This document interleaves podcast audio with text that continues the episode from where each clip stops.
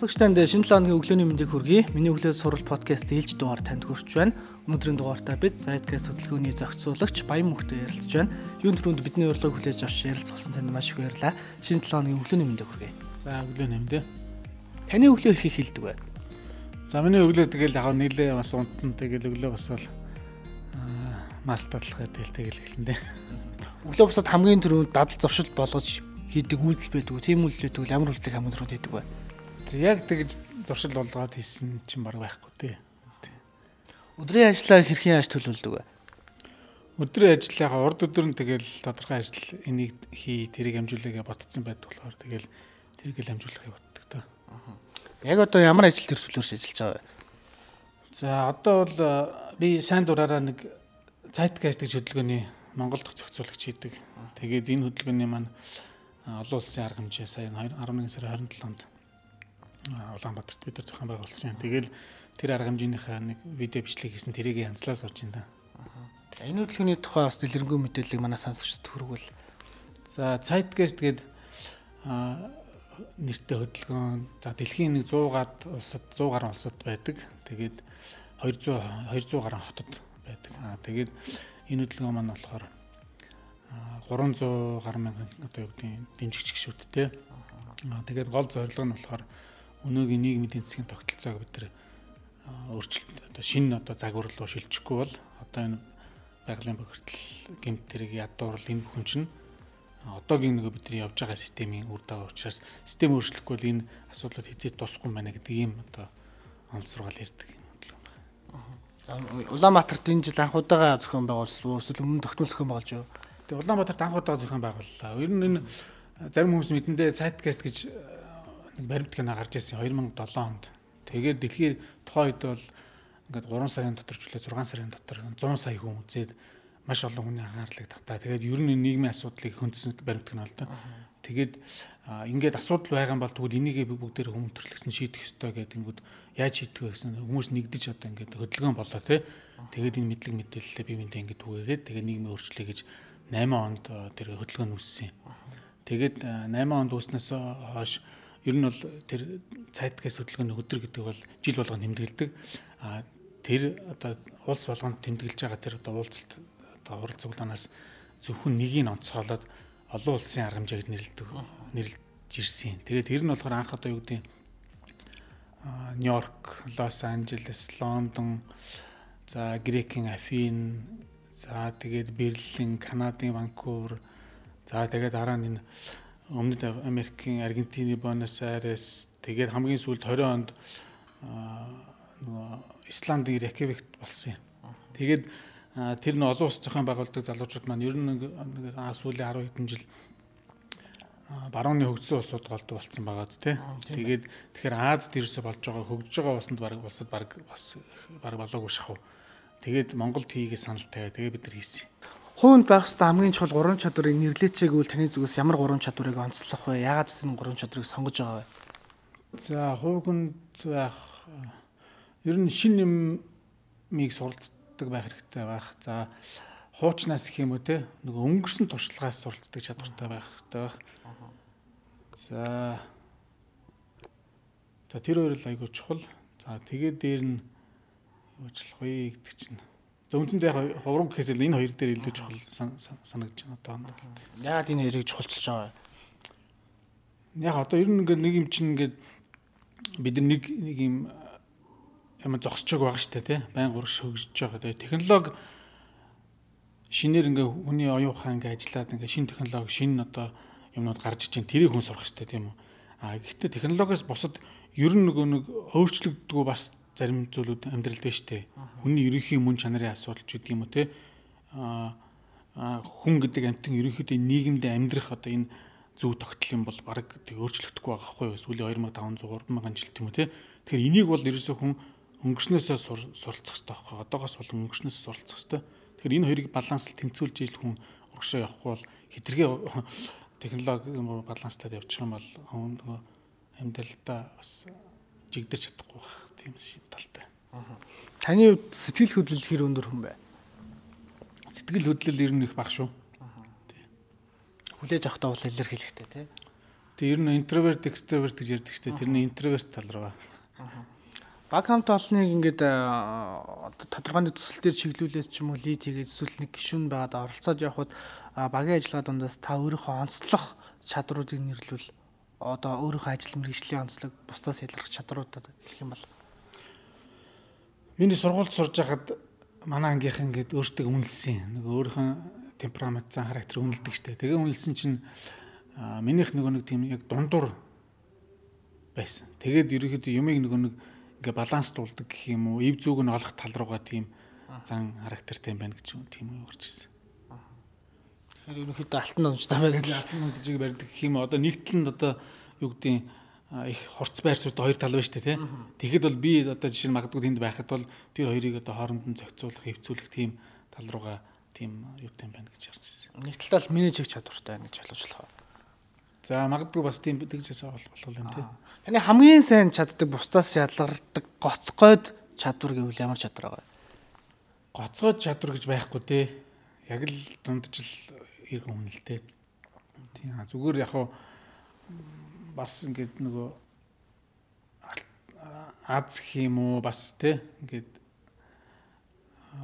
бас бас чиг чухал гэх юм уу тийм мэдээлэл мэдээлэлтэй таарцсан учраас харьцангуй би нөгөө энэ нийгмийн эдийн засгийн асуудлыг зах цухаас нь гадралдаг болж байгаа юм гэж ойлгоод байгаа. Хүн тодорхой асуудлыг алган дээр харна гэдэг чинь ажлаа мэдээд ирэхээр дэрдэг шүү дээ. Тэрнтэй адилхан ер нь дэлхийн ертөнцид чинь ямар зүйлийн нийгэм улс орнууд чинь хоорондоо яаж харилцдаг эдийн засаг гэдэг чинь яг юу юм ч гэдэг юм уу те энэ төр хүн нөгөө ойлголттой болоод ингээд ирэхээр аа нэр ийм биш шүү гэдэг тийм ойлголт хүн төрдөг штэ нэг бас нэг тийм юмны шинж бас зах зах одоо бол бас байна уу гэж хараад байна. Тэгэхээр э, өдөр тутамдаа олж авдаг мэдээллийг сурвалжуудаас манай сонсогчдод хаваалцал өглөө босоод хамгийн түрүүнд ямар ямар мэдээллийн сайтуудаар зочилж байна. Ямар их сурвалжуудаас голлох нийгмийн тэнцэг улс төрийн мэдээллийг хүлээж авч байна. За яг өдөр тутмын ингээд мэдээнүүдийг бол үздэг.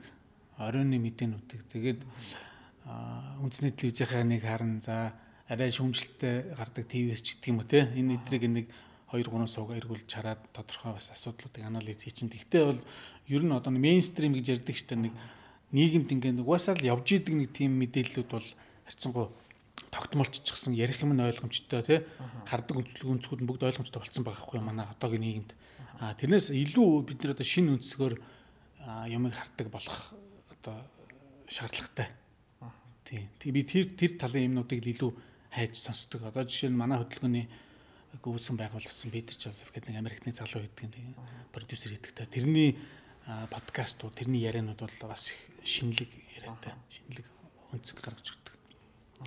Тэрийг бол нэлээд сонсдог. А манай бас гадны улсууд хийсэн бас энэ баримт кинонууд байна. Эднэр үл их чухал. Таны яг үндсэн мэрэгжил ямар мэрэгжилтэй юм та? Би эрхцүүж мэрэгжилтэй. Тийм сүүлд магистр бизнесийн удирдлагаар магистрийн зэрэг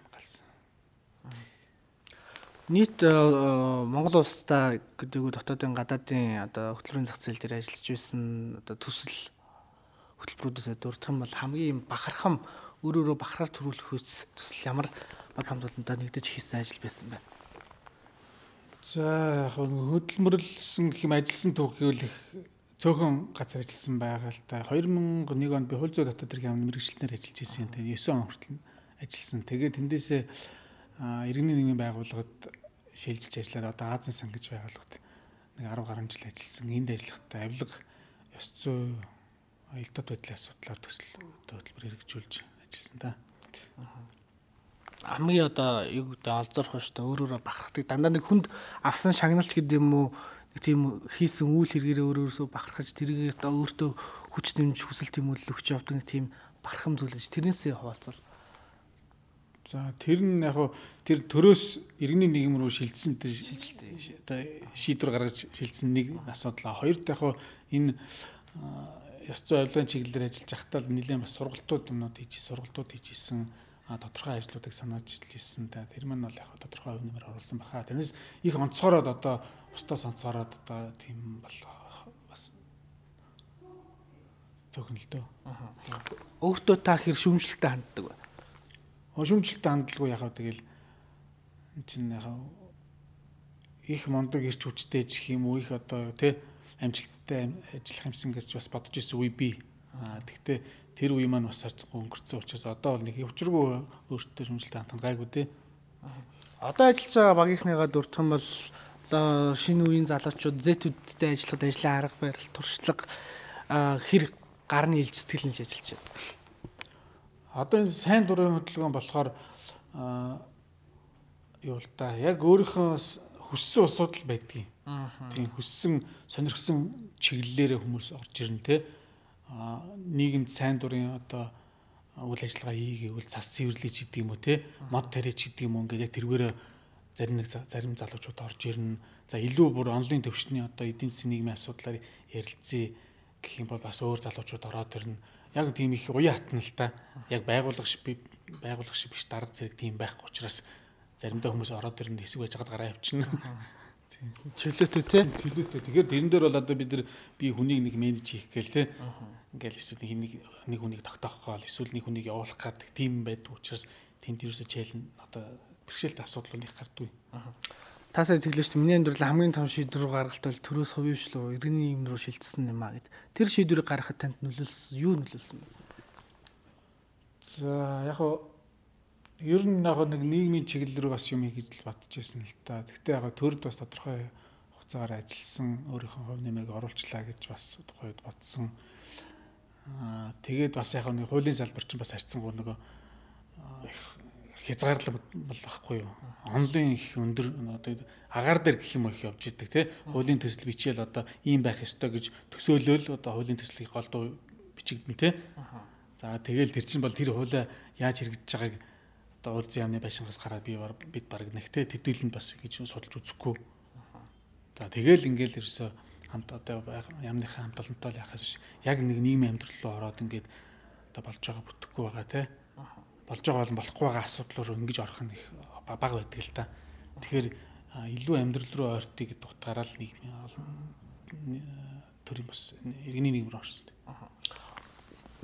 Цаасаа энэ хуулийн төсөл бол хит их маар байдгаа. Бид нэг хуулийн төсөл батлал болчлаа гэж ойлгож байгаа гэдэгтэй адилхан одоо шинээр батлагдж байгаа хуулиудыг дагаж мөрдөх нэгтэрээ дагаж мөрдөлтөл дээр хууль хэрэглээдэл дээр иргэдийн оролцоо иргэдийн бас хуулаа мэдж байгаа байдал гэдэг тал дээр бас хангалтгүй үзүүлэлттэй хэдэн болоо гэж хувь сэтгүүлчүүд бол бодож явдаг л да. Саяхан иргэдийн оролцоо төсөлтэй хамтраад бид нэг хуульчдын подкаст 10 сурал дугаар хийгээд яг шинээр гарч байгаа хуулиудын шинжилсэн хариулгууд дээр тухайн хуулийг санаачилсан, ажлыгт ажилласан хуульч эрх зүйчтэйг оролцуулаад иргэдийн төлөөллөг оролцуулаад ярилцах тийм зүйл бол ярилцлагын өнцгөөс бол харагдаж байсан. Та тэгэхээр иргэний нийгмийн салбарт ажиллаж одоо энэ дунд нь орж идэм үү те дотроос нь асуудлыг нь олж харсан юм шүү. Тэгэхээр тодорхой өөрчлөлт одоо харагдаж байна таны хувьд 2009 оноос хойш гэж гэхэрч одоо бараг 13 жил болж тий. Аа яг хууль чинь бид нар нөгөө систем маань өөрөө их буруу алдаатай систем байхгүй юу. Тэгэхээр систем чинь өөрөө ингээд нөгөө шинж тэмдгээ бол байнга гаргаад байгаа байхгүй. Тэр гарч ирж байгаа шинж тэмдгийг бид нар зүгээр нөгөө сурсан юм а ганц аргаараа хуулиар зохицуулахад оролдоод байгаа. Тийм учраас одоо социализмын үед бараг 55% байсан гэж байгаа. А тэгсэн одоо биш 10 дахин нэмэгдээд 5 600 хуультай болсон. Тэгсэн мөртлөө бид нар магадгүй нийгмийн амьдралын маш олон асуудлыг зохицуулж чадахгүй байгаа.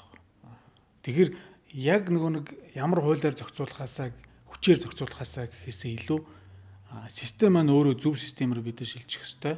А тэгээ хүнийг аюулсан хуулиас хамааралгүйгээр нэг ёс суртахуун мэдлэг боловсролын шинээр тавьчих ёстой байхгүй. Одоо бид нар бол би бол гэж харж байгаа манай нийгэм Монголын гэхгүй ерөөсөө энэ дэлхийн нийт одоо тэр чигээрээ буруу хөгжлөр явж байгаа байхгүй. Айгүй буруу хөгжлөр явж байгаа. Бид нар нөгөө Америк одоо баруун Европын улсууд хөгжөөд тэнд хамгийн зөв загвар байна. Тэдэн шиг хөгжөхөр болно гэж бодоод одоо худлаа байхгүй. Яагаад тэгэхээр чин Монголд одоо юу гэдэг бид нар нэг юм наймаалал зарсан ингээ те үйлдвэрлэл худалдаа яг 8 хийсэн илүү ашигтай ажилладаг байгаа үстэй. Тэрдээ адилхан дэлхийн 200 улсад яг ижил загвар хэрэгтэй байна үйлдвэрлэгчид бас нэ Америк, Герман, Япон хэдэн том том улсуудад үйлдвэрлэгч байна. Тэд нар чинь Монгол гэх мэтийн Африк гэх мэтийн улсуудаас нөгөө бүтээгдэхүүнээ хямдаар аваад өртгөө нэмээд нөгөөдөл жишээ зарна тийм үү. Тэгэхээр тэр хоёроо очоо зөрүү гарнаа та тийм. Тэгэхээр тэр зөрүү чинь ерөнхийдөө энэ ядуу чинь сайн олигтой хөгжиж чадахгүйг нэг шалтгаан тэр. Аа тийм учраас ерөөсөө бид нар Америкийн загварыг дагна гэхлээр чинь болохгүй болчиход байгаа үстэй.